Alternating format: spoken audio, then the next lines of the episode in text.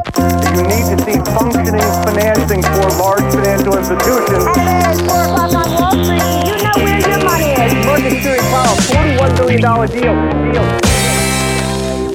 Det svenska järnvägsnätet uppgår till drygt 15 600 spårkilometer och är en del av det totala transportsystemet bestående av fyra olika trafikslag.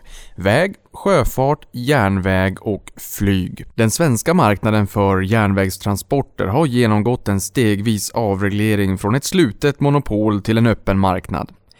Transporterna består av både godstrafik och persontrafik. År 1996 öppnades marknaden för godstrafik på svensk järnväg och 2009 beslutades att den kommersiella persontrafiken på järnväg skulle avregleras fullt ut från och med den 1 oktober 2010. Train Alliance har som vision att järnvägsfordon ska utnyttjas maximalt och att tågtrafiken fungerar effektivt så att både gods och människor kan transporteras säkert och i tid. Bolaget grundades 2009 och projekterar och förvaltar kompletta järnvägsanläggningar på strategiska lägen. Nu ska bolaget listas på Nasdaq First North och eh, har ett market cap på 486 miljoner kronor pre-money, de tar in lite nya pengar. Och med mig har jag både VD Joakim Weimer och ordförande Otto Persson så att jag tycker vi gör som så här att vi börjar från början i vanlig ordning så att ni får berätta lite grann om er själva. Och om vi gör så att vi börjar med dig Joakim. Ja, Joakim Weimer. Jag är VD på Train Alliance sedan juli 2018 och eh, har min bakgrund på järnvägssidan sedan 80-talet och varit med under en lång resa. Och eh, är idag som sagt var VD för Train Alliance. Otto? Ja, Otto Persson, civilekonom i grund och botten och eh, styrelsens eh, ordförande också sedan juli 2018. Och jag var tidigare eh, verkställande direktör i Train Alliance. Och om vi då börjar från början, vad gör Train Alliance för någonting? Namnet vittnar ju lite grann om att det handlar om, om tåg och räls och förhoppningsvis så går ju verksamheten på räls. Men vad gör ni för någonting? Ja, vi håller då på att eh, etablera järnvägsanläggningar runt om i Sverige och eh, det går ju då ut på att man eh, tittar egentligen på var flödena ligger och underhållsanläggningar behöver vara. Och sen skaffar vi mark och så kopplar vi upp oss mot Trafikverkets infrastruktur och levererar det till marknaden. Så det vi håller på nationellt, tyngdpunkt Hallsberg och Sigtuna för tillfället. Ni grundades ju 2009, ganska jobbiga tider. Vi hade ju haft eh, finanskrisen som också slog väldigt realekonomiskt hårt. Vi, hade, vi matades av dåliga rubriker i media att ekonomin var, var inte speciellt rolig varken globalt eller i Sverige. Vad var det som gjorde att ni hittade den här idén? Vad liksom var upprinnelsen till att starta Train Alliance? Ja, dels är ju det en, en del av avregleringen att det, det, det finns eh, behov som eh, vi anser att vi kan täcka in. Eh, och sedan är ju det så att eh, även om det var lågkonjunktur generellt så järnvägen har ju haft en stark utveckling under lång tid. Eh, så vi har ju, kände ju inte av den på det sättet som övriga marknaden gjorde. Hur, hur stor är efterfrågan på järnvägsnära tjänster? Menar, hur stor är den här adresserbara marknaden som ni har riktat in er på? Ja, den är ju betydande. Det är ju också eh, mycket nya fordonsanskaffningar på gång eh, som då kräver underhållsanläggningar och uppställningskapacitet. Vi vet att det är trångt eh, och det är också till stor del överbelastat eh, i järnvägsnätet, speciellt specifikt i storstadsområdena. Så att eh, vi ser väl en potential att eh, vara behjälpliga till marknaden på flera platser. Som jag förstår så finns det också två eh, olika spår när det kommer till, eh, till järnväg och eh, allt som har med järnväg att göra. Och det är både persontrafiken och godstrafiken. Eh, Och där har vi ju sett att persontrafiken har ökat medan medans godstrafiken har minskat lite grann, stagnerat. Hur, eh, hur påverkar det här er och vad tror ni framåt? Eh, när det gäller persontrafiken så är det en fantastisk utveckling som har varit och den, den hämtar ju näring egentligen från 90-talets början när X2000-trafiken kom igång i Sverige som i sin tur ledde till att man matade de här tågsystemen från regionalt håll. Och därefter har vi sett en, en stor uppgång och inte minst på grund av urbaniseringen att man, man bor utanför de här centren och också pendlar in till storstäderna. Så persontrafiken har en fantastisk utveckling och kommer att ha en stor del framåt. Inte minst nu också med klimatdebatt och, och vi brukar lite slarvigt säga på järnvägen Greta-effekten som eh, slår på också här. Så att eh, persontrafiken går som tåget om man nu får använda ett sådant uttryck. Eh, tar vi då godstrafiken då så är det helt rätt som du säger, den har ju viss stagnation. Det är ju en otroligt tuff konkurrens också mot lastbilstransport och även sjöfart till viss del. Men det ser vi också då eh, intresset att öka då, eh, järnvägstransporter klimatmässigt. Men eh, gods är framförallt de tunga masstransporterna. Det är gods, stål, papper och vår tunga basindustri som nyttjar. Eh, det gäller att komma in lite grann på dagligvarutransporter också. Så det, det är, eh, vi ser positivt på gods men de har det tuffare än vad persontrafiken har det. Men, men jag tänker där också, e-handeln ökar ju dramatiskt. Eh, och, sen ökar ju även medvetandet hos konsumenten att de här liksom last mile delivery att det finns en viss, kanske ganska stor klimatpåverkan. Även om godstrafiken har stagnerat lite grann finns det, finns det en potential att vi ser att godstrafiken Ehm, kan tänkas öka och skulle det vara bra för er? Vi ser ju båda två som viktiga parter och tittar vi på våra anläggningar som är idag så är ju det mycket inriktat mot gods. Ehm, och det finns också ett uppdämt behov på godssidan och matcha då de moderna loken som är på väg in och den kvalitetsökningen som kräver en bättre lösning. Ehm, men vi ser ju också det här med Eh, som du säger mycket riktigt inne på, kan järnvägen få bättre access till eh, dag, dagligvaruhandeln så det är ju en stor fördel. Eh, och då kommer vi in på det här som du säger, man beställer på internet, man vill ha varan dagen efter. Och där har ju järnvägen ett visst problem där. Kan vi då gå upp till kanske två dagars leveranstid, ja då är ju järnvägen med på ett helt annat sätt. Så mycket det handlar om att snabba upp godstrafiken på järnvägen.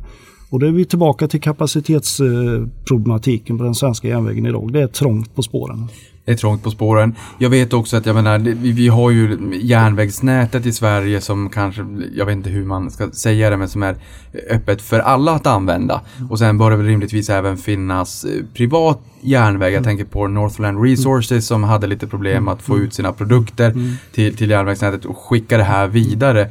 Eh, Finns det en marknad i Sverige liksom för att man bygger egen järnväg och kapacitet för att ansluta sig till, till det ordinarie nätet? Och är ni med och hjälper dem eller vill ni ha era anläggningar? För ni är ju lite av ett alternativt prospekteringsfastighetsbolag som vi kommer komma in på. Men är, är de delarna, de sträckorna också intressanta eller är det liksom den ordinarie rälsen som är öppen för alla som är den intressanta? Ja, vi, vi följer ju mycket de här eh, EU-direktiven och järnvägspaketen. Det är ju öppna anläggningar vi står för. Eh, vi, de här centrarna vi bygger upp de är ju öppna för olika kunder. När vi kommer till infrastrukturen på linjenätet så är ju det Trafikverket och staten som är den absolut dominerande parten. Det finns eh, vissa mindre undantag men de är ju absolut drivande. Och det är också de som har de stora investeringarna framåt. Och det sker ju i statens och nationella planer och så vidare. Men det vi kan backa upp med det är ju att stötta då det här järnvägsnätet med eh, underhållsanläggningar och uppställningskapacitet eh, på strategiska punkter. Så där är vi ju definitivt med och det är öppna anläggningar i första hand. Mm.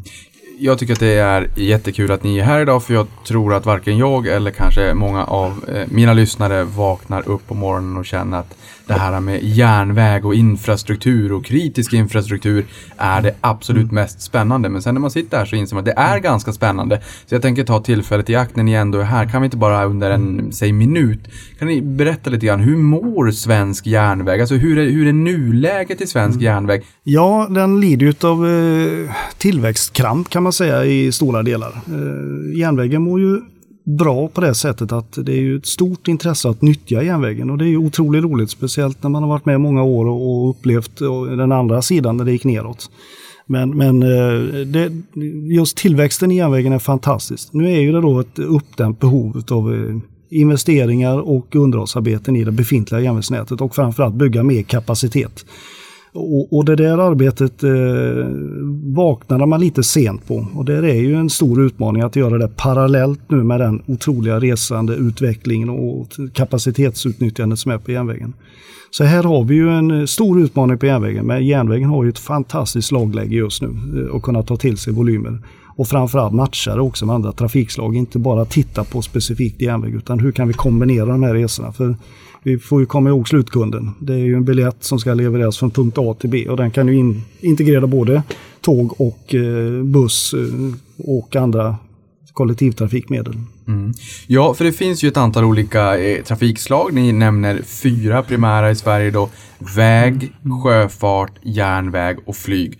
Jag som, som konsument, jag som resenär känner ju igen allihopa. Men det är klart att vi, vi fraktar ju mycket på vägarna med lastbilar, sjöfart, med, liksom, med, med hamnen i, i Göteborg. Det skeppas ut en, en, en massa produkter. Vi är ju ändå ett exportberoende land. Järnväg, vi kopplar upp oss till kontinenten och sen eh, självklart eh, regionala och interkontinentala flygningar. Vart, ni, säger att eh, järnvägen lider av, av växtverk. Hur står sig järnvägen i förhållande till de andra tre eh, trafikslagen här? Ja, vägtrafiken är ju dominerande fortfarande och, eh, och där är ju den privata bilismen är ju en stor del givetvis i det här. Flyget har ju, har ju stagnerat till viss del eh, inrikes, eh, men det är fortfarande ett bra alternativ på långa resor och det kommer det även att fortsätta vara, ju absoluta bedömningen. Så att järnvägen som sådan kommer att behöva eh, utvecklas för att kunna ta till sig de volymerna som vi ändå ser. Och det är ju mycket också den här eh, diskussionen kring klimat och, miljö och annat. Och det gör att eh, det läggs på ganska mycket avgifter på biltrafik och annat som gör att folk kanske tittar på alternativ till sin resa. Men jag tror mer på att man matchar ihop de här trafikslagen och gör en helhetsbedömning. Vad mm. är det som ger bäst effekt för varje resa? Men du Joakim, du säger ju att järnvägen i Sverige är eftersatt. Det är någonting vi också har matats av i media under väldigt, väldigt många år. Men hur beroende är ni av att man tar ett krafttag kring järnväg, järnvägsnätet i Sverige för eran affär? Jo, men det är, det är en viktig del. Eh, finns det ingen kapacitet på banorna så är det svårt att utveckla järnvägstrafiken och, och eh, då, då börjar ju en stagnationsprocess och den är ju ingen intresserad av idag. Eh, och vi måste ju också ha kapacitet och access till våra områden och, och det kräver ju att vi får mer kapacitet i Trafikverkets huvudsystem. Och det hjälper vi åt väldigt mycket i de diskussionerna. Till exempel i Hallsberg har vi en väldigt god relation med Trafikverket, hur man utvecklar stationer för att få bättre flöden, stråk igenom. Och då är eh, ett alternativ att flytta in vissa sidofunktioner till eh, våra anläggningar. Eh, så att vi har ju en tät diskussion med Trafikverket och, och de får mycket kritik och vi delar väl inte fullt den uppfattningen att det bara är deras bekymmer. Det beställs också otroligt mycket tåg utan man egentligen inte tar ansvar över vad gör man av detta när de väl kommer på plats. Det är enkelt att bara säga lös det Trafikverket men, men jag tror marknaden måste jobba betydligt mer tajt ihop för att få det här helheten att fungera. Mm. Jag har förstått att Hallsberg är liksom som järnvägsindustrins mecka. Eh, och ni har också mark i Sigtuna, vi kommer komma in mer på det sen. Men om vi, om vi visualiserar oss en Sverigekarta framför oss så har ni tagit fram två stycken för persontrafik och godstrafik. Och sen visualiserar ni i form av någon, någon form av blodomlopp, alltså hur stora sträckningar och hur mycket, hur mycket som snurras på de här sträckningarna, hur mycket privatresor där och hur mycket godsresor där. Vart hittar vi Train Alliance idag och vart kommer vi hitta er i framtiden? Ja, eh, det du nämner här, det blodomloppet, det är, det är ju linjeproduktion. Eh, det är ju antal fordonsrörelser per respektive linje per dygn. Eh, och den i kombination med att titta på fordonsomlopp och var är de bästa strategiska punkterna att ta i ur fordon för underhållsåtgärder. Det är det vi har analyserat och jobbat med och vi har ju då hittat Hallsberg som är en viktig punkt både för regionaltrafik och gods som är en stor del där. Det, det är ju ett, en linje från norr, Hallsberg brytpunkt ner mot hamnen i Göteborg ner mot kontinenten Malmö. Eh, sedan är ju storstäderna givetvis jätteintressanta och där har vi ju då eh, markdisposition i Sigtuna kommun eh, som är i Arlandaområdet som expanderar. Och Stockholm är en trång sektor, det vet ju alla vi som är på järnvägen. Sedan tittar vi givetvis fortsättningsvis också. Vi har ju kvar Göteborgsområdet, eh, Norrland, Malmö har vi börjat etablera oss eh, ner mot hamnen med ett företag där, en ny verkstad som blev invigd förra året under eh, 2019. Så vi ser väl att fortsätta att växa i, de stora naven eh, och eh, se till att de platserna vi nu har också blir så effektiva som möjligt för att kunna leverera fordonstillgänglighet.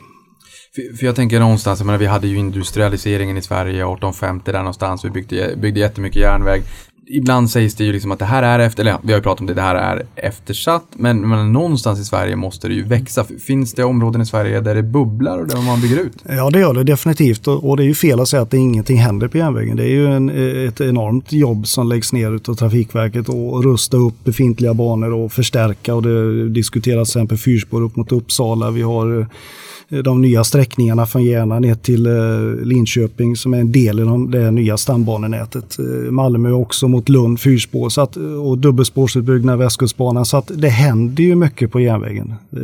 Men problemet är väl att det är lite sent på det och dessutom så behövs det ytterligare då snabba upp så att man får färdiga stråk så man kan börja lätta av trycket på befintliga stambanenät. Och då kan man ju också kanske få in en vettigare underhållsplan också på banorna. Eh, primärt Trafikverkets eh, stora arbete eh, men, eh, och det är inget lätt jobb de har. Men eh, våran del i det här det är ju att eh, försöka hjälpa till på sidosystemet och bygga upp anläggningar som klarar av att ta hand om fordonen när de har kört färdigt på linjen. Så att inte de cirkulerar i, i smetas ut i olika sammanhang på sämre platser utan koncentrera in det till rätt plats. Ja, för där säger du någonting som är också väldigt bra just där. Vi har ju infrastrukturen, vi har järnvägen, alltså själva rälsen som måste tas om hand om. Eh, och där finns det ju bolag som hjälper till att, att hålla den i god kondition. Och sen har vi ju liksom, då det är infrastrukturen, sen har vi ju lok och, och tåg och, och, och, själva operatörerna som använder den här infrastrukturen. Och ni med Train Alliance fokuserar alltså på operatörerna, inte på infrastrukturen, inte på järnvägen, utan att hålla tågen hela och rena.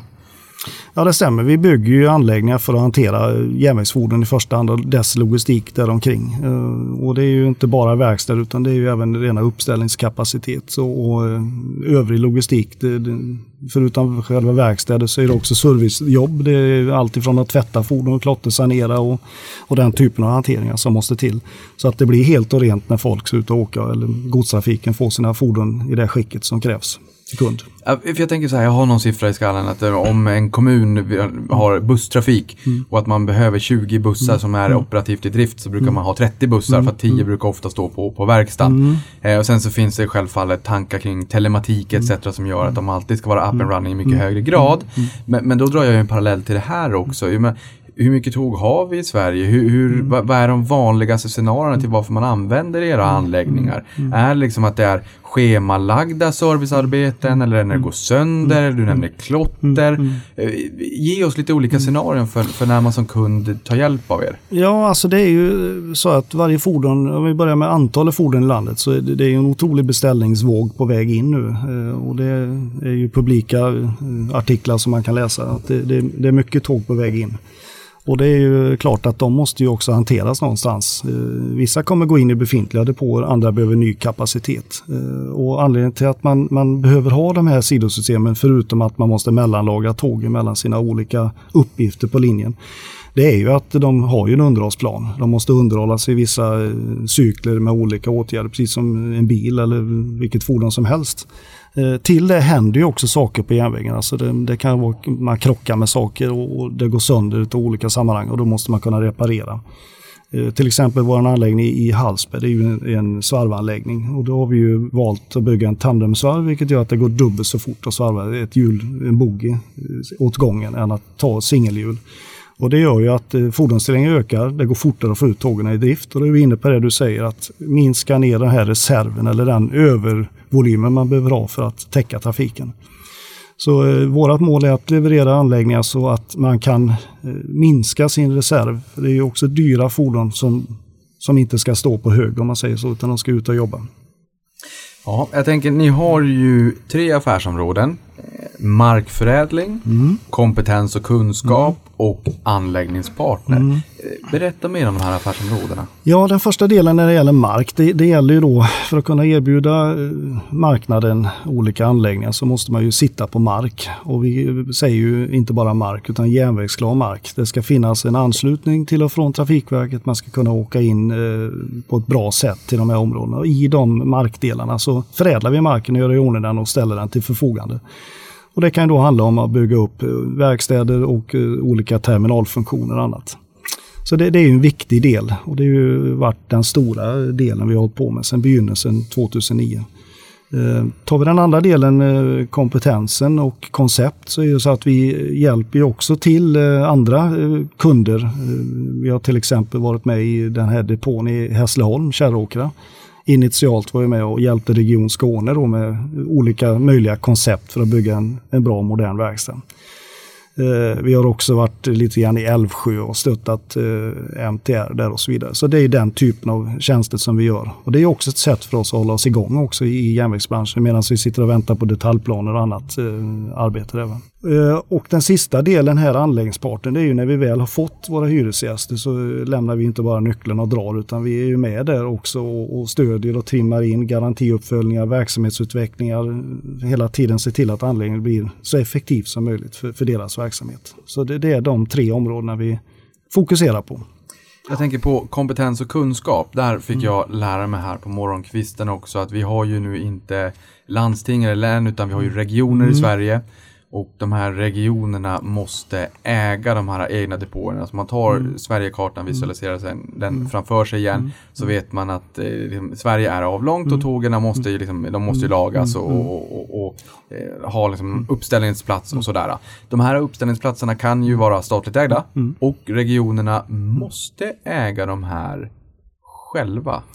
Varför då? Ja, eh, 2012 så kom ju den här kollektivtrafikslagen in. Då gick man ju från den här länstrafiken över till en myndighetsfunktion i regionerna, landstingen som det var tidigare. Och eh, deras ambition där har ju varit att de ska ha egen rådighet och äga anläggningarna. Och det har ju med deras upphandlingsmodell att göra och så vidare. Så att, eh, och där var vi ju tidigt med i olika delar och försökte vara leverantör till den delen. Men de har ju valt att gå mycket sin egna väg och, och, och, och bygger sina egna anläggningar.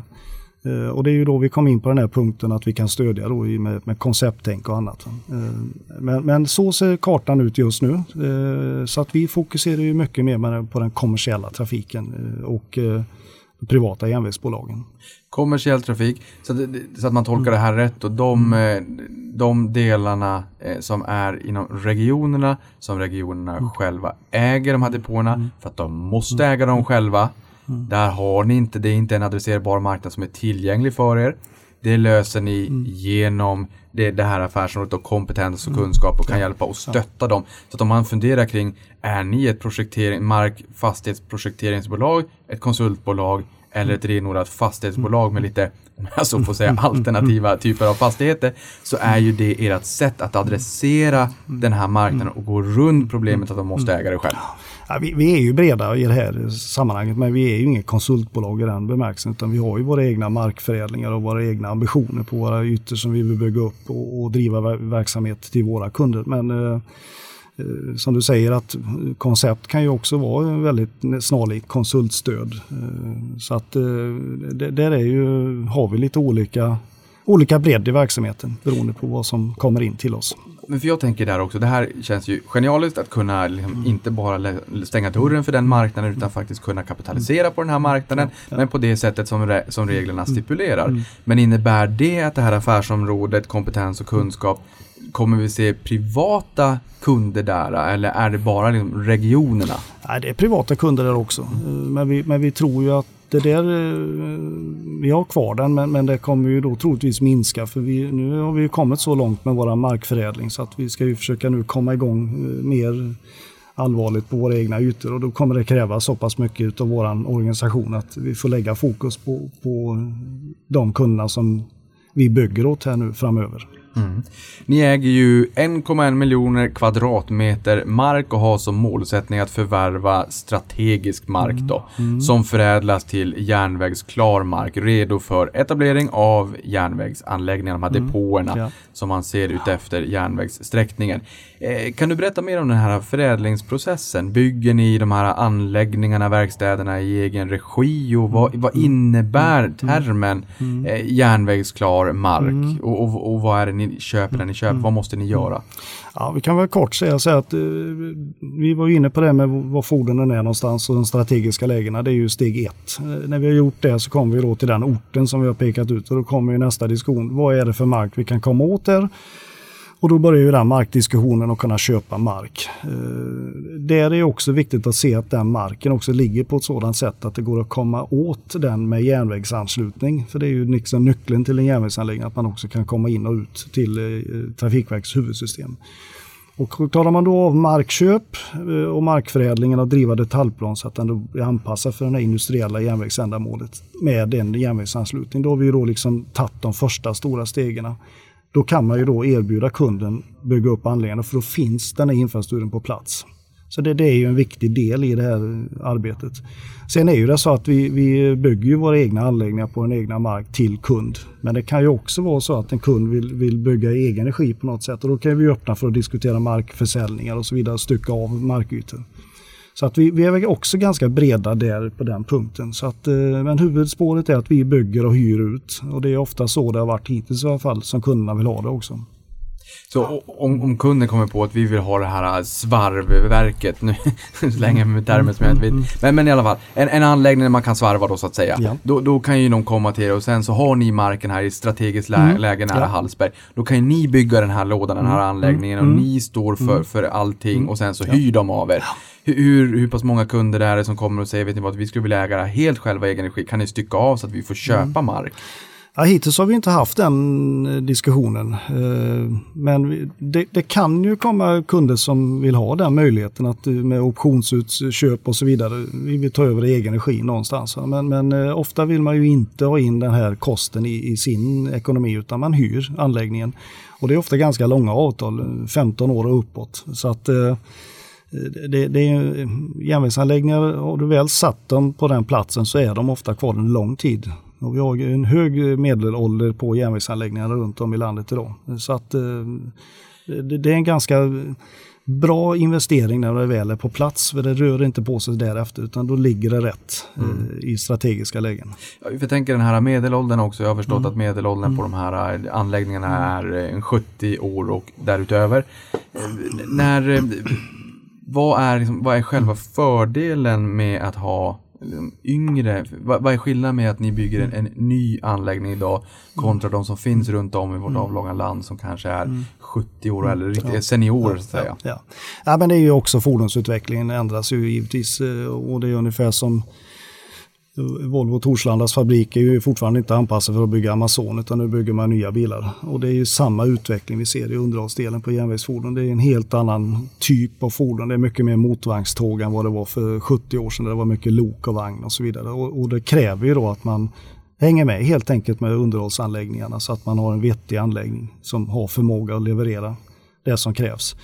Dessutom så är det också eh, rent arbetsmiljömässigt eh, en del. Eh, de här äldre anläggningarna erbjuder ju inte den ergonomin och flexibiliteten som moderna anläggningar gör. Så det är en ren personalfråga också för, för kunderna att ha attraktiva arbetsplatser och det ser vi också på det vi har byggt. De, vi får ju mycket förfrågningar som vi skickar vidare till våra hyresgäster som gärna vill börja arbeta i de här moderna nya anläggningarna.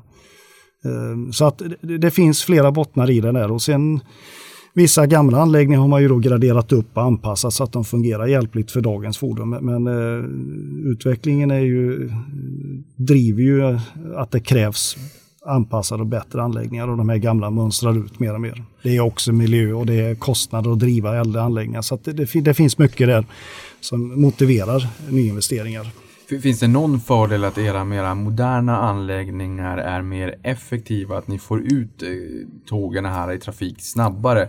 För att det är klart att det, det kostar ju pengar när tågen bara står. Mm. Tågen skapar ju värde när de, ja. när de rullar på, eh, på rälsen. Hur, mm. hur ser skillnaden ut där? Där är ju två delar. Det ena är ju att när det väl kommer in i verkstaden så ska det gå undan. Eh, och, och, och, det är ju hälften är ju, är ju anläggningen som har förmåga att lösa uppgifter. Men sen har vi lika mycket underhållsorganisation i sig med att man planerar sina jobb. Man vet vad man ska göra när tågen kommer in. Så att inte det, man börjar där i planeringen. Utan det, det, det är ju en en symbios mellan anläggning och underhållsorganisation. Men sen är det också att anläggningen ligger också nära till. Eh, så fort du ska göra tomkörningar och dra iväg längre sträckor eller hålla på och växla runt i de här olika järnvägsdepåerna, då tappar du tid direkt. Så att eh, målet är att snabbt in och ut i systemet och när det väl kommer in så jobbar man på med fordonet och gör alla åtgärder på en och samma plats istället för att skicka runt som tyvärr ofta är fallet idag.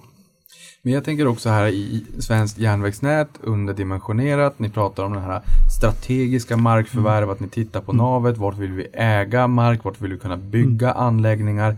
Hur, eh, hur ser det ut idag? Jag menar, säg att ett tåg går sönder och behöver service.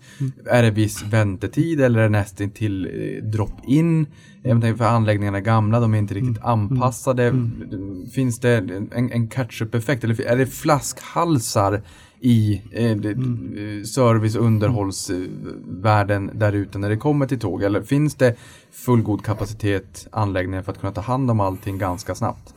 Det, det, det är både och. Det finns ju anläggningar som eh, är utav mer lokal karaktär där man har bra kapacitet att ta hand om sina fordon. Men sen har vi då vissa sådana här flaskhalsar som till exempel hjulsvarv har varit en sådan som har varit med i flera utredningar. Det, det blir lätt kö. Eh, Avvisningskapacitet på vinter är också ett sådant exempel och det måste avvisas för man ska kunna göra underhåll.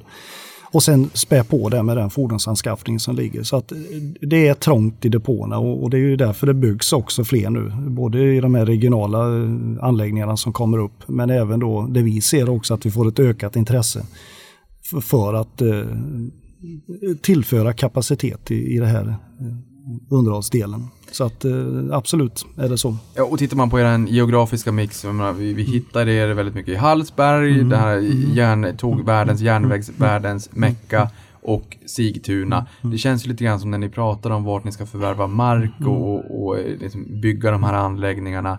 Eh, att ni är det här prospekteringsbolaget, ni är, ni är en puppa och sen så kommer ni om några år bli mer av en fjäril som flyger ut. Alltså det känns som att ert bolag kommer transformeras lite grann. För att idag så vill ni ju hitta, ni har mycket mark, ni har 1,1 miljoner kvadratmeter mark, 100 hektar.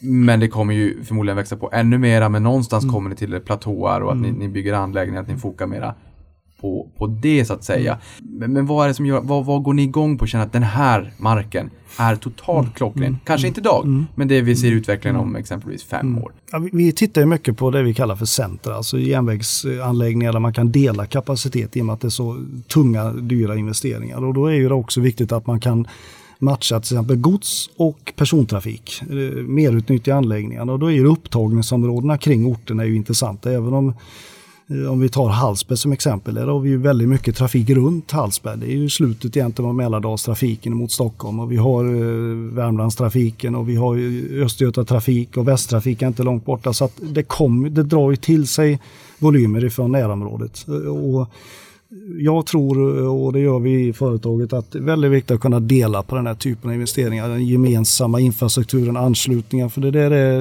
det, det är, inträdesbarriären är ganska stora när man bygger nya anläggningar. Men nu har vi kommit igenom de första delarna och kan nu börja leverera.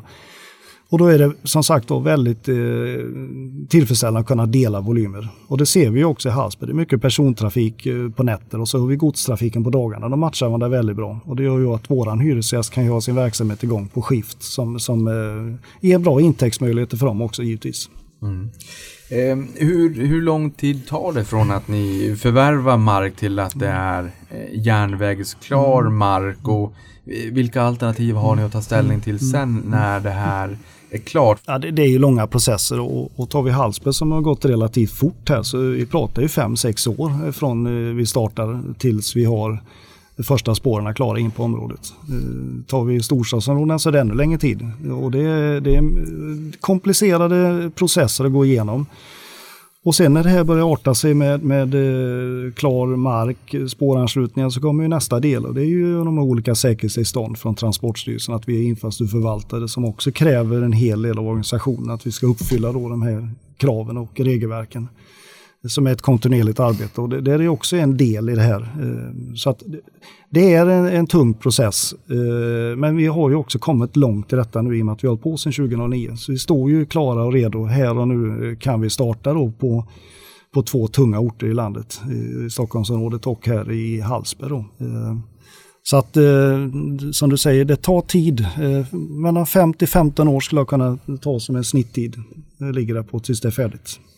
De här liksom, Sigtuna och Hallsberg då, som vi har pratat en del om, det är ju eh, i princip hela, liksom, större delen av substansen i bolaget. Eh, Kan ni växa ännu mer där? Kan ni liksom hur stor del av- det ni vill äga i Hallsberg och Sigtuna Mm. äger ni idag? Och hur mycket kan ni växa där i förhållande till att vi ser att ni växer Mm. kanske på andra orter runt om i landet? Ja, när vi tar Hallsberg och eh, Sigtuna, där är ju rejäla markytor och eh, det, där har vi en kostym att växa i. Och det är också otroligt viktigt när man väljer plats att det finns kapacitet att växa på de här ytorna. Eh, och i och med att det är en sån stor eh, fordonsanskaffning som sker, den utveckling vi ser på järnvägen, de prognoserna som ligger framåt, så ser vi att vi kan ju eh, ha det här plus ytterligare platser i landet som vi ska växa i. Så, så att ha mycket mark är en fördel. För järnvägsanläggningar kräver också stora ytor. Det, huset är en, en, en del men du har hela bangård och all, alla strukturer runt omkring. Så det behövs mycket mark. För några år sedan så har vi, vi investerare lärt oss att eh, samhällsfastigheter har varit hett i skola, vård och omsorg. Eh, och nu får vi också lära oss om de här eh, typen av fastigheter, anläggningarna i nära anslutning till strategiska lägen för järnvägsinfrastruktur i Sverige. Det är lite nytt både för mig och för många som lyssnar på det här tror jag. Eh, Hur mycket mark säljs i Sverige varje år? Vem är det som säljer? Är det staten? Och hur ser köpprocessen ut? Är det köparens eller är det säljarens marknad? Ja, det, det, det är också lite olika vem som eh, säljer mark. Vi har ju köpt eh, från eh, privata eh, fastighetsägare. Det var ju jordbruksmark i Hallsberg till exempel. Eh, men tar vi också det här så finns det exempel där Trafikverket sitter på mark som de arrenderar ut. Som man också kan bygga på. Eh, så det finns lite olika men, men eh, Problemet är ju att komma åt mark. Så det alltså, köparen har ju ett problem att hitta eh, mark som ligger rätt och som då har en bra kapacitet till och från det här markområdet rent järnvägsinfrastrukturmässigt. Så att eh, sitter man på mark så är det nog rätt så bra att kunna sälja men att kunna köpa och hitta rätt mark det är utmaningen. I, vi har mycket mark i Norrbotten. Det är definitivt Mm, ja. i, i Boden också. Det finns väldigt mycket mark. Men jag tänker så här.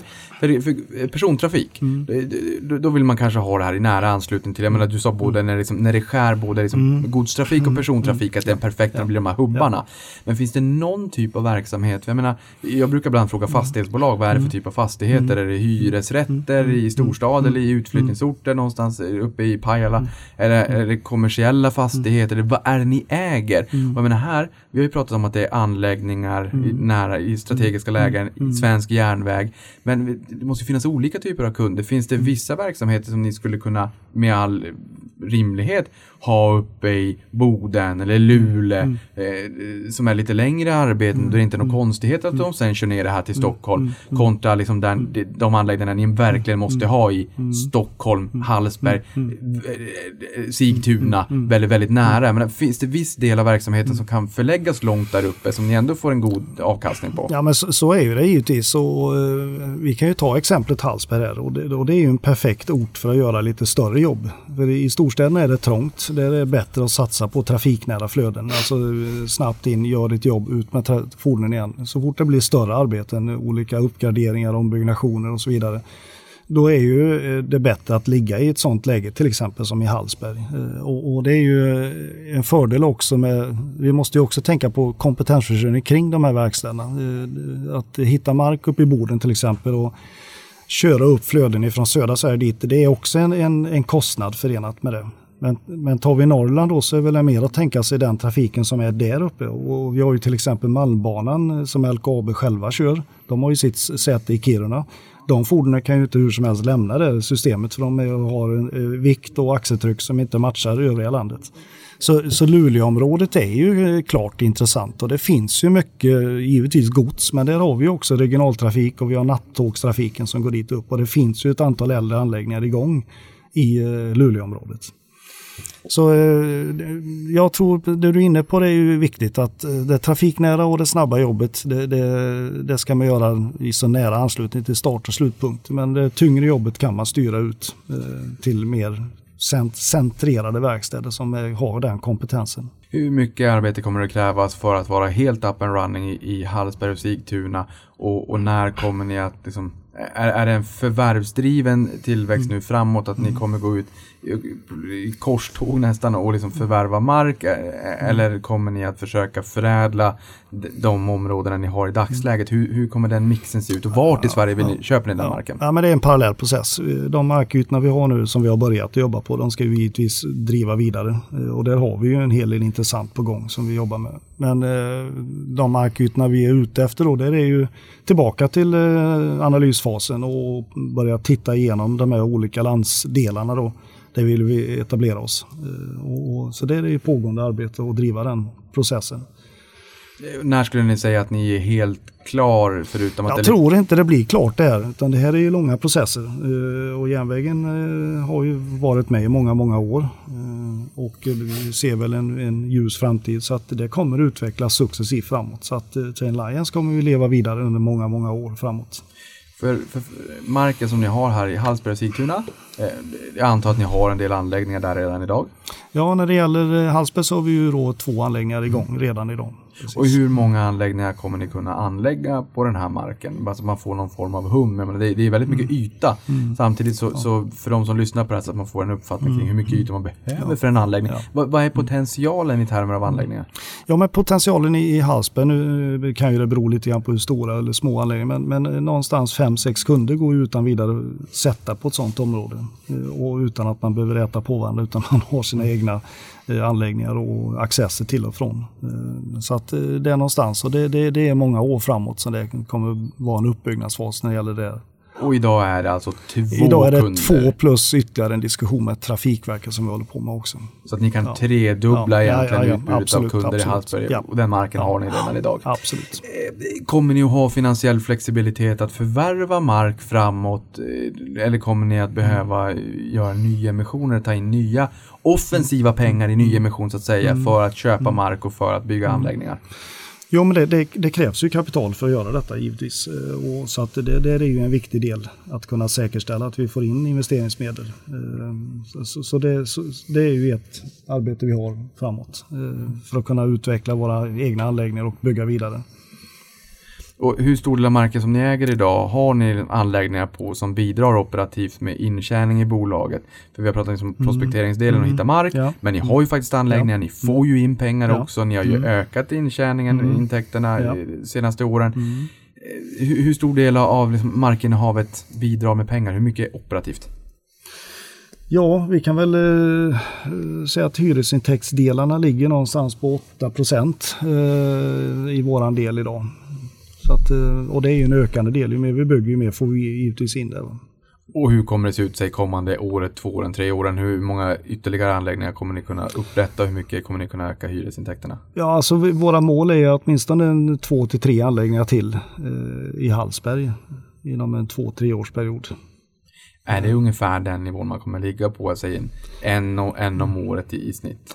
Ja, tittar vi bakåt så har vi legat eh, där någonstans eh, när vi väl fick alla eh, detaljplaner och allting på plats. Eh, och det, det kommer ju att utvecklas givetvis, men eh, det kan ju också gå i vågor. Det beror ju alldeles på här hur, hur eh, järnvägsmarknaden utvecklas. Och eh, det kan ju också bli en catch-up-effekt, men, men eh, det är ett jämnt bra flöde på byggnationen är ju en fördel. Eh, Och de, de här anläggningarna, eh, bygger ni dem helt i egen regi eller lägger ni ut det här på entreprenad att någon annan bygger åt er? Ja, det är andra som bygger åt oss, men vi ju, har ju beställarkompetensen och designar alltihop hur det ska se ut. Eh, Och sedan blir det en projekteringsfas och en genomförandefas.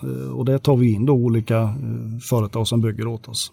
Och det är ju anbudsarbeten i vanlig ordning. Vad kostar det att bygga en, en anläggning mellan tummen och pekfingret? Ja, alltså tar vi den här tågserviceanläggningen vi har byggt, den, den ligger ju på 67 miljoner exklusive produktionstekniken som ett exempel. Och den, och den ligger ju på eh, 1800 kvadrat, den byggnaden. Vad är det för förädlingsvärden vi pratar om när ni går från ax till limpa och kan teoretiskt sett då sälja den vidare till någon annan? Ja, vi har ju både då markvärdet ökar ju givetvis när det är järnvägsklar mark. Eh, och Det är ju en viktig del i det hela. Och sedan har vi ju då vår byggnation när vi bygger den och, och det är ju ett värde som byggs in i den anläggningen. Eh, och, och den är också då, eh, ambitionen är ju givetvis att äga egen energi och ta in hyresintäkter. Men, men eh, nu har vi ju haft en investeringsbehov också. Det har varit ett sätt att få in kapital till nästa del i utvecklingen. Så eh, vår ambition är ju att vi ska äga våra anläggningar helt i egen regi. Och då får vi intäkter därifrån och ett bra flöde in. Ja, men det låter bra. Du, Otto, i en intervju 2016 sa du att det kommer att levereras tåg för närmare 100 miljarder kronor till 2030. Det är alltså när vi stänger det här årtiondet då. Och att verkstäder för närmare 10 miljarder skulle behöva byggas. Gäller de här siffrorna fortfarande? En fråga till er båda. Eh, och hur stor andel av den här siffran skulle ni kunna tänkas knipa? Mm. Jo, nej, men det, det som jag känner igen är ju den, den stora eh, fordonsanskaffningen som, som var vid det läget. Och eh, eh, då också en, en beräkning från vår sida att det behövs byggas verkstäder för i storleksordningen 10 miljarder. Och eh, av de 10 miljarderna så, så har vi ju lokaliserat att, att merparten eller åtminstone en del av det kommer att byggas på de markbitar som vi har, har tillgängliga idag. Så att vi, vi ser med stor optimism på det. Det, det är inte 100 procent. Men eh, en stor del kan vi i varje fall vara en, en, en leverantör av marken och eh, hålla tillgängligt för att bygga detta. Hur, hur många sådana här depåer finns det i Sverige? Jag är lite nyfiken på era konkurrenter också. Järnhusen har jag förstått är en sån statlig aktör. Men hur många depåer, hur många anläggningar finns det runt om i Sverige ungefär? Och vilka är era huvudsakliga konkurrenter? Jag kan väl säga att generellt så någonstans mellan eh, 20-25 anläggningar i varierande storlek och ålder. Eh, en hel del nytt som är byggt på 2000-talet oftast då kopplat med de här regionala eh, investeringarna som är gjorda. Men vi har också en hel del äldre anläggningar alltså som är byggda då i början på 1900-talet som är igång. Och konkurrenter eller samarbetspartners eller vad vi nu kan kalla dem för ute i, i landet. Eh, vi har ju eh, statliga järnhusen är ju gamla SE Fastigheter. De eh, tog över eh, en stor del av de här platserna eh, och de har ju både stationslägen och depåer. Och de är ju stora i landet och eh, dominerande part på den delen. Sedan har vi ju då de regionala eh, investeringar som är gjorda då med olika regioner som Stockholm och, och nere på västsidan och eh, Skåne och så vidare som bygger egna depåer också. Men de bygger ju inte nationellt, de bygger ju då regionalt för sina behov. Så rent nationellt så är väl vi, det är vi i princip och eh, statliga järnhusen som finns runt om i landet i dagsläget. Mm. Inom affärsområdet anläggningspartner förvaltar ni ju ett flertal anläggningar. Eh, både egna och externa. Hur ser mixen ut här mellan egna och externa anläggningar? Ja, alltså vårt anläggningspartnerskap är ju snarlikt. Vi, vi förvaltar och eh, hjälper till i de här anläggningarna med de olika eh, frågorna som finns per respektive kund. Eh, sedan är ju det då vissa anläggningar som är sålda och, och vissa har vi i egen regi fortfarande. Så eh, rent förvaltningsmässigt så är ju det samma upplägg. Utan det är ju mer bara bakomliggande vem som äger det i själva byggnaden som sådan. För infrastrukturen som vi har nämnt, den har vi ju oavsett på våra platser. Ni har ju, om vi bara snabbt backar tillbaka till affärsområdena, markförädling, kompetens och kunskap och anläggningspartner. Eh, vilken av de här eh, affärsområdena är störst, växer mest, är, är det lönsammast? Alltså hur ser, hur ser karaktäristikan ut på de olika Ja, markförädlingen är ju den, den absolut stora delen i detta och, och där är ju eh, både arbetet med att driva igenom de här detaljplanerna, få det järnvägsklart, investeringar med, med spåranslutning och annat och det är ju den som är den stora delen. Sedan är ju det då givetvis ju mer vi bygger ju mer ökar ju också anläggningspartnerskapet med allt vad det innebär att förvalta och driva anläggningarna. Så det, det är väl de två delarna som ökar, men mark är ju den absolut största delen där. I er strategi skriver ni att nyckeln till Train Alliance framgång är kunskapen att tidigt identifiera mark som kommer bli eftertraktad Ja. eh, för att Sveriges järnväg ska kunna växa. Ja. Ehm, innebär det här prim- primärt, liksom, vi har ju varit in på det tidigare lite grann, vad ni är för form av börsdjur. Men innebär det att ni primärt är ett alternativt prospekterande bygg och fastighetsbolag då? Eller ser ni er som det förvaltande fastighetsbolaget? Va- Vart i, livs, i livscykeln känner ni att ni är just nu? Och, och, och, och när tar ni nästa steg? När platåar ni och liksom transformerar bolaget? Ja, vi, vi har ju egentligen eh, två sidor i detta men, men projektering definitivt är ju en stor del med investeringarna som är framåt i våra, våra olika platser. Eh, Men sen har vi ju givetvis också den här delen att förvalta. För det är vi också ålagda att göra förvaltningsskap när det gäller infrastruktur och annat eh, som ingår. Så fort vi börjar bygga så måste vi också förvalta bakåt. För Hur, den här för, förvärvsresan då, det kan, kanske kommer vara en del nyemissioner där för att ta in pengar för det, det, är liksom, det är en kapitalintensiv bransch. Eh, när har ni förvärvat så pass mycket strategisk mark att ni nästan blir mer av ett förvaltande bolag? Att, att vi ser att det liksom blir ett, ett nedtick i, i förvärven av strategisk mark för att ni sitter på den strategiska marken så att säga. Men det slutar ju aldrig där. Nej, alltså det slutar ju precis. aldrig där och det, det är därför vi har myntat begreppet anläggningspartner också. Eh, vi, vi tittar ju på vem, vem är det vi vänder oss till och eh, vem är det vi eh, löser ett problem för. Det är alltid fordonsägaren. Det kan vara privat näringsliv och det kan vara i offentligt ägo. Men vi löser ett problem för en fordonsägare. Och eh, får vi äran att, eh, att äga de här eh, anläggningarna själv så gör vi gärna det. Och det är också vår ambition. Det slutar inte när eh, första hyresavin är ivägsänd. För eh, en, en, en, en järnvägsanläggning som vi för upp den, den har väldigt lång ekonomisk livslängd. Vi pratar 40-50 år och den är kopplad till fordonet. Men det är väldigt viktigt att eh, fordonet har lika lång livslängd. Och här finns det olika cykler under fastighetens resa och fordonets resa där man får affärsutveckla någon gång var tionde år. För det är olika moment som ska göras i, i verkstaden. Så vår resa slutar inte när eh, första hyresavin är skickad eller att vi har sålt över en anläggning utan den börjar då. Ni pratar ju lite om att ni har privata kunder och det är godstrafiken. Det- Kan ni nämna några namn som några av mina lyssnare känner till och hur, hur långa är kontrakterna på, Ja, på fastigheten? Vi, vi har ju en hyresgäst som är statligt ägt. Det är ju Green Cargo i Eskilstuna. Och det rullar på ett långt kontrakt 2024 12 31 löper ut. Eh, TXG Maintenance i Hallsberg, privat bolag, eh, har 15 års kontrakt. Eh, och det, de flyttade ju in där för två år sedan när det var helt nybyggt. Och sen har vi ju då eh, Malmö som exempel också. Det är ju då Netrail heter ju det bolaget som hyr där nere. Och det är också ett eh, 15-årigt kontrakt i en verkstad för både godsvagnar och lok som de hyr utav oss. Jag tänker, man brukar vara nyfiken lite grann på, på moten, alltså den här vallgraven för att hålla konkurrenterna stångna. Eh, lite grann där, ni har moderna anläggningar, de är inte 70 plus. Eh, ni pratar järnhusen, 49 depåer, där byggs det inte speciellt mycket nytt.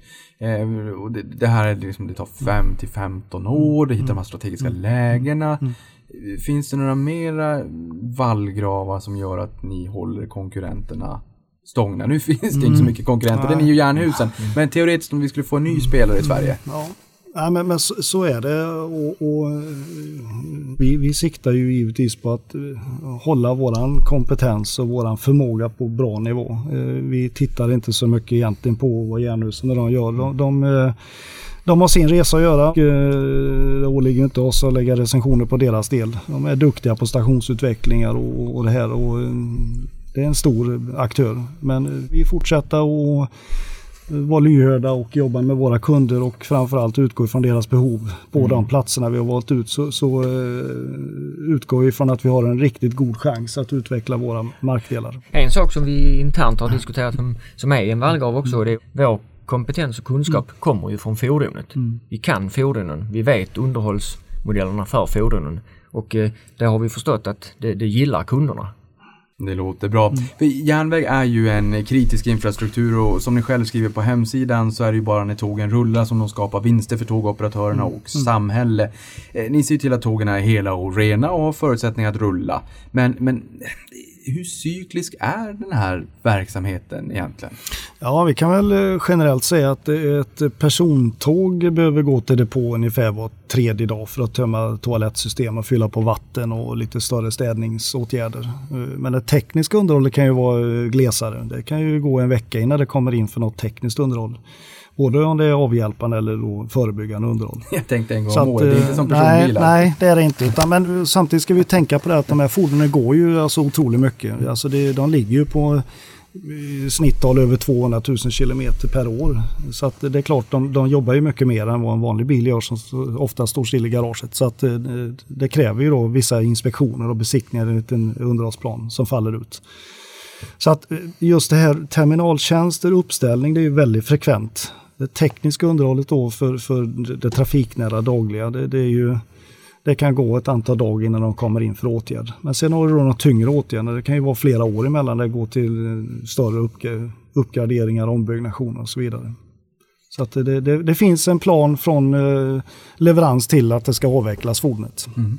Ni pratade här initialt om Greta-effekten också mm. och medvetenheten kring mm. klimatförändringar och mm. samhällsdebatten driver på. Vi ser att flyget ändå har mm. påverkats i, i viss grad hur påverkar hela den här debatten er och er spelplan?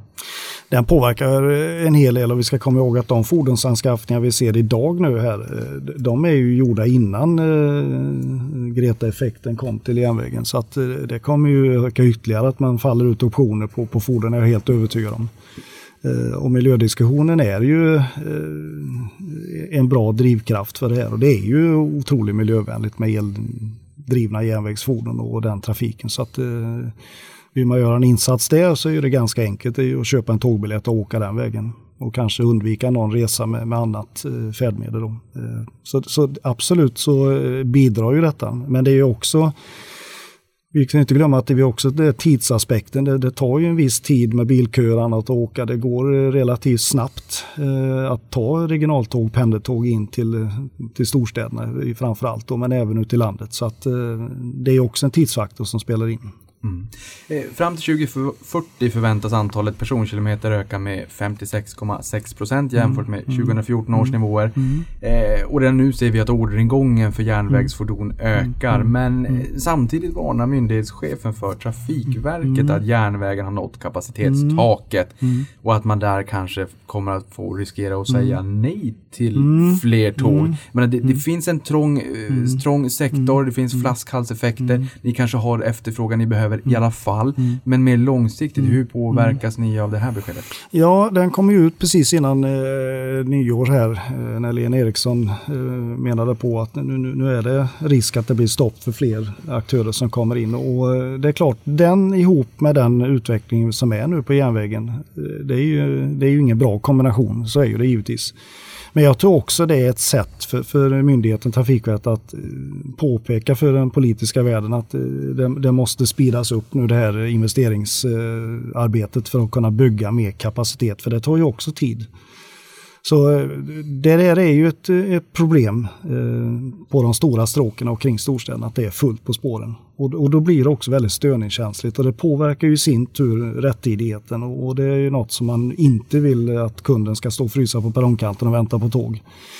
Och likadant så är ju det en del som man ofta glömmer i diskussion, det är ju godstrafiken som, som måste också fram och nyttja samma typ av järnväg. Och det, det är ju också viktigt för vår export och våra basindustri att de får sina varor.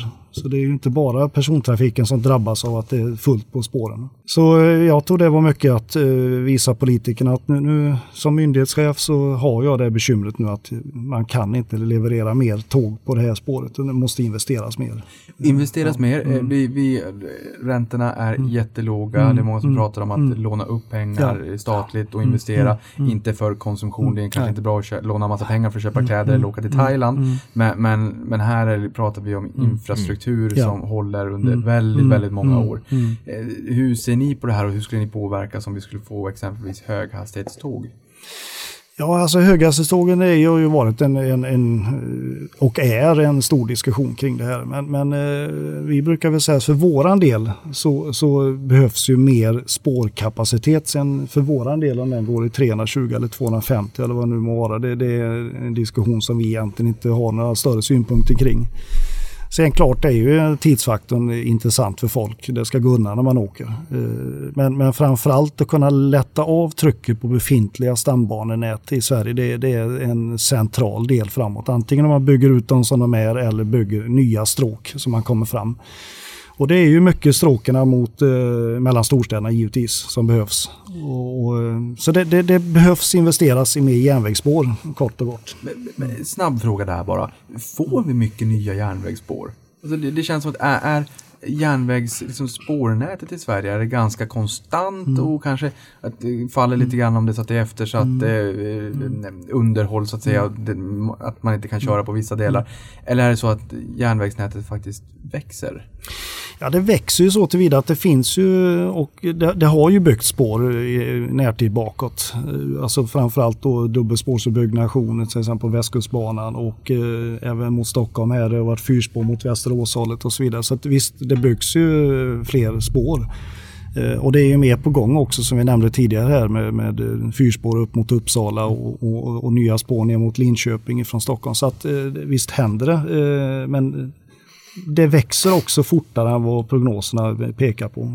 Och jag tror nog att de här siffrorna som är framtagna i de här olika prognoserna, de kommer att överträffas. Okej, så det innebär det ju att är mer tåg som beställs, mera spår för de här tågen att köras på, det vill säga mer toaletter att behöva tömma och mera veckovisa service och mera långsiktiga arbeten att utföra.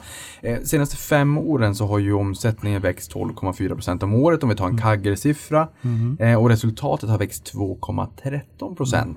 Ehm, Senaste året växte intäkterna 36% och resultatet ebit då 28% på, på prognossiffror för 2019. Ehm, är det en sekventiellt tilltagande tillväxt som vi ser härifrån och framåt? Och varför har liksom resultatet växt lite l- halvdåligt eh, historiskt när ändå intäkterna har växt? Ja, det med den... Eh, det, det som skedde för oss 2019 det var ju att vi, eh, vi, vi satt ju med helt klar mark nere i Hallsberg och fick också en stor attraktion dit. Och att eh, vi lyckades genomföra de beställningar som, som fanns på marken så vi fick en, en, en, ett väldigt, väldigt, väldigt starkt kvartal fyra. För egentligen hela vägen fram till kvartal tre så, så såg det liksom ganska så konstant ut även om man blickade bakåt.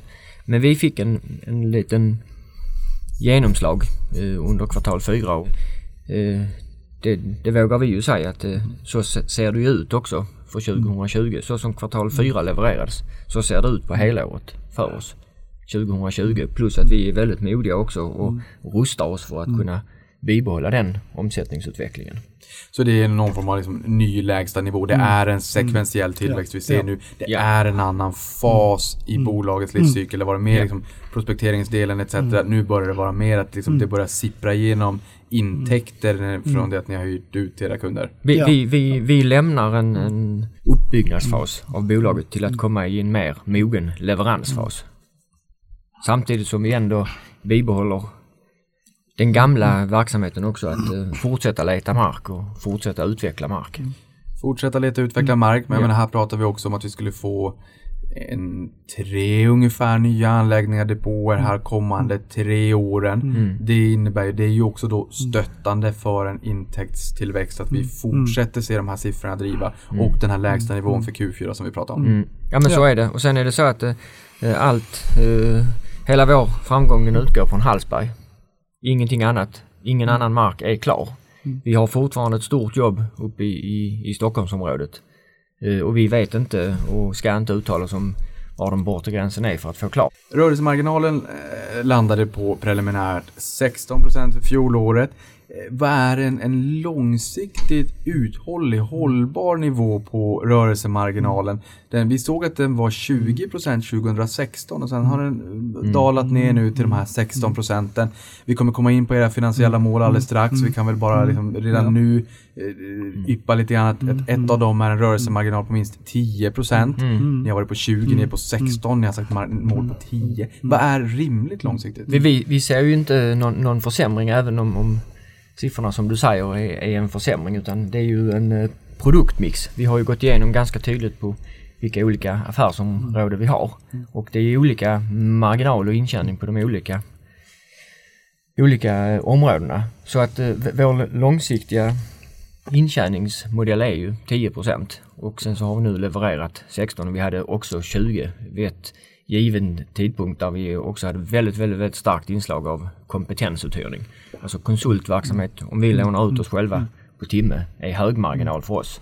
Medan att eh, sälja en, en komplett anläggning eller hyra ut har en, en lite lägre, väldigt mycket lägre marginal.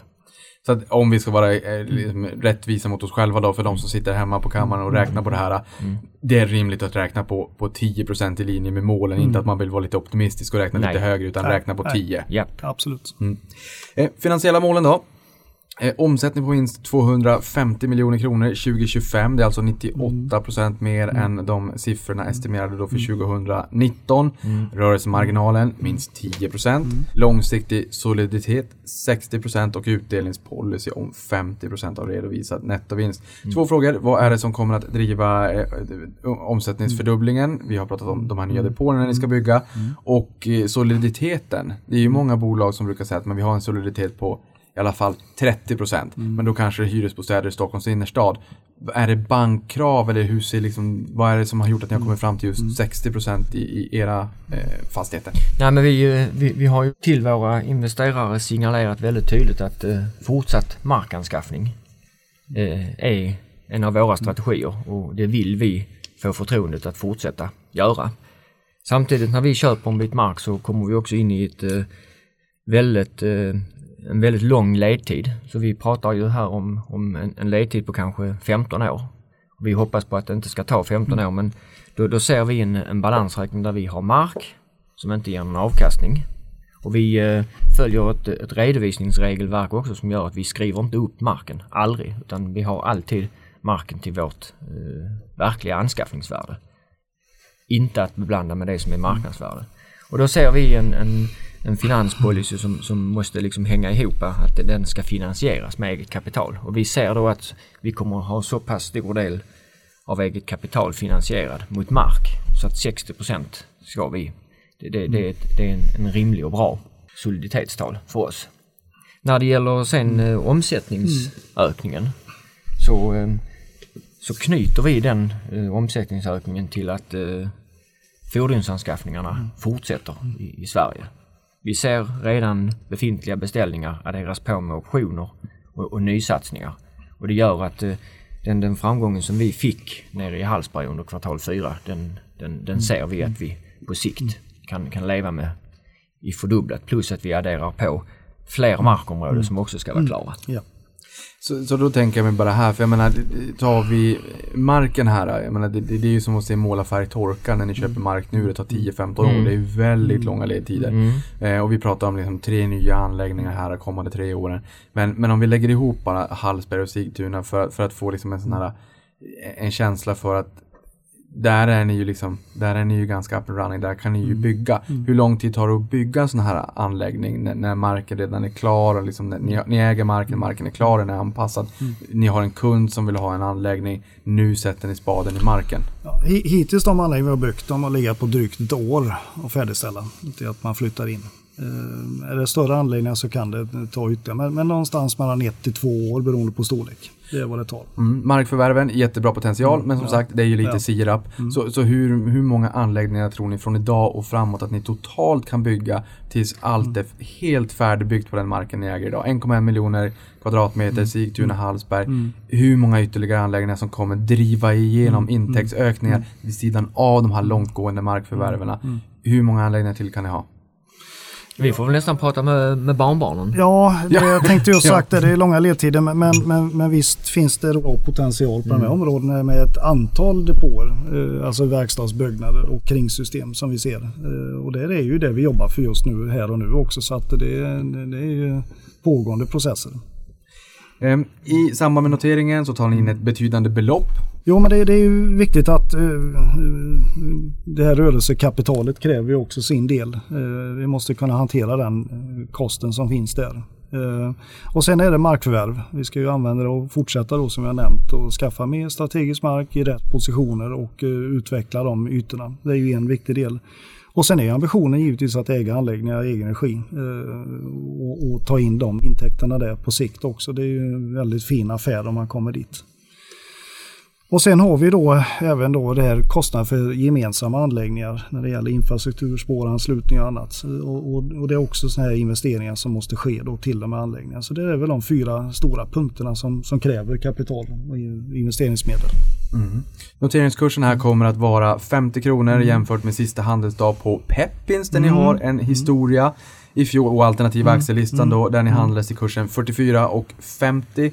Substansvärdet är 38 kronor per aktie men justerat substansvärde med hänsyn tagen till orealiserade värdeförändringar av mark i Hallsberg samt uppskjuten skatteskuld uppgår till 74 kronor. Ni säger att ni, ni redovisar enligt det, den, den redovisningsstandarden ni har, K3, eh, till verkligt anskaffningsvärde eh, som inte linjerar med det verkliga bedömda marknadsvärdet. Utveckla det här resonemanget, hur ska man tänka? Substansvärde 38, noteringskurs 50, eh, värde 74. Eh, hjälp oss. Ja, det blir, det blir många siffror att, eh, att, att ta tag i och eh, eh, först och främst så är det viktigt att, att prata om, eh, om det justerade eh, egna kapitalet per aktie som då omnämns till, till 74 kronor. Och då pratar man att man räknar om balansräkningens egna kapital på grund av att det, finns ett övervärde i, i Hallsberg och enkom bara i Hallsberg. Så att vi, vi, vi pratar inte om några övervärde på,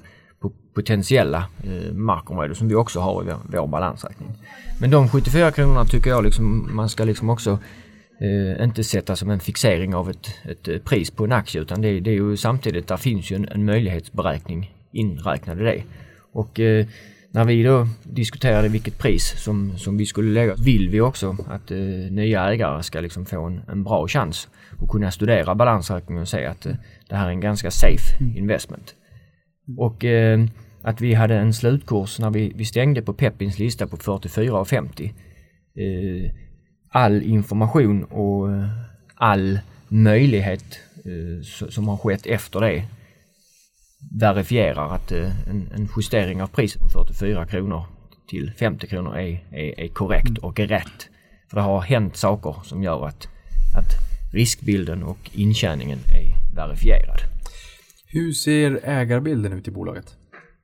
Det ehm, fi- finns en, en, en, ehm, en, en A-aktieägarskara som eh, är grundare till, till bolaget och det är en, en, en skånsk finansman som heter Sven Jämsten som tillsammans med ett eh, tyskt bolag eh, styr och eh, kontrollerar och är största ägarna i, i bolaget. Hur ser ert egna ägande ut? Vi gillar ju pilotskolan. Hur ser ert ägande ut i bolaget? Eh, För, för min del så, så är det alldeles för litet men jag eh, är, tillhör ju också en, en investerarskara som har slagit ihop oss så att eh, jag har också en, en betydande del A-aktier i, i bolaget. Så du har lite skin in the game. Så är det. Så är det. Och eh, för min del så eh, har jag ett antal B-aktier eh, kopplat till. Jag får väl instämma med, med vad Otto säger att man hade önskat att det är mer men, men det är där den nivån finns för tillfället för min del. Sista frågan. Vart befinner ni er om 15 år? Ja, det är ju alltid intressant att spekulera i framtiden och eh, om 15 år så ser jag ju mig framför att vi är en väl etablerad eh, anläggningspartner runt om i landet. Vi har, vi har ordnat våra strategiska markytor som vi letar efter och vi är igång ordentligt på de här ytorna nu. Och, eh, jag tror inte det är färdigbyggt men vi har kommit en väldigt, väldigt bra bit på väg. Eh, och förhoppningsvis så har vi då ett antal fina anläggningar som levererar bra och fin kapacitet ut till eh, de olika järnvägsföretagen. Det är den absoluta ambitionen och målet. Sista medskicket är väl att jag vet att mina lyssnare och småspararna där ute älskar aktieägarförmåner. Så att ett tips som jag inte kan eh, låta bli att skicka med er det är väl att ni helt enkelt får ha någon gång om året, en eller två gånger, där ni öppnar upp en anläggning och bjuder in aktieägare så att de får se verkligheten. Det är kul med järnväg, det är kul med, med lok och med, med tåg så att säga. Eh, Och se, inte bara när man, man tänker att man reparerar sin egen bil, så ser man bara pengarna flöda ut. Här blir det lite roligare, lite mera intressant helt enkelt. Tusen tack för att ni kom hit och gästade podden. Tack. Tack så mycket. Tusen tack. Your money